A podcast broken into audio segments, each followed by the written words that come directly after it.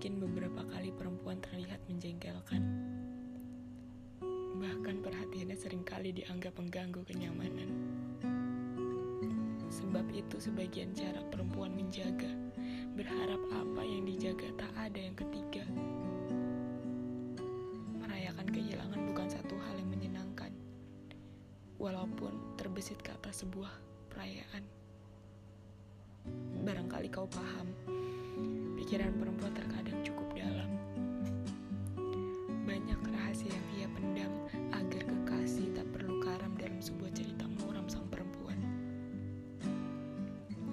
banyaknya kau sudah mengerti tentang perempuan. Bisakah beri ruang agar kekhawatirannya sedikit hilang beban? Jika tak bisa beri sebuah pelukan,